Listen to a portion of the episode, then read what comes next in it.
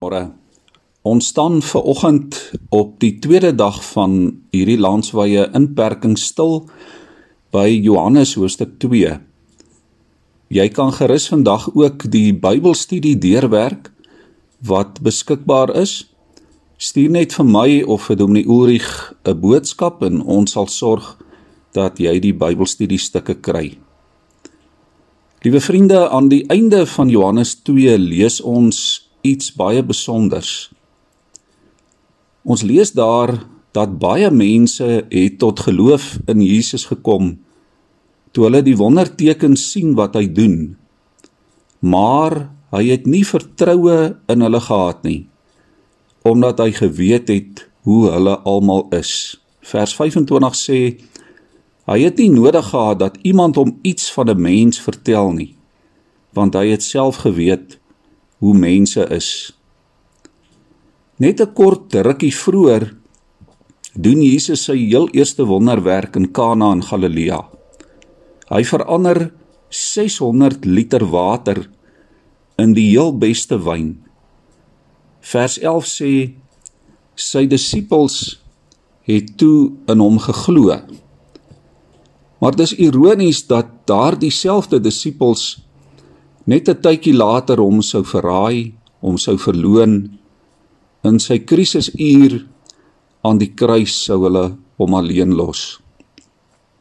En my vraag vir oggend is dit: Watter wonderwerk het jy in jou lewe nodig?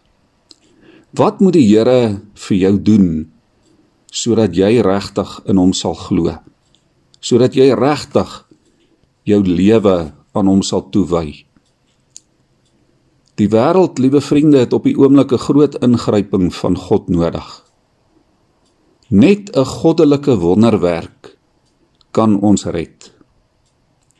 En my vraag is: sal jou lewe dan anders wees? As COVID-19 verby is, gaan jou lewe dan anders wees. Moenie wag tot dan nie.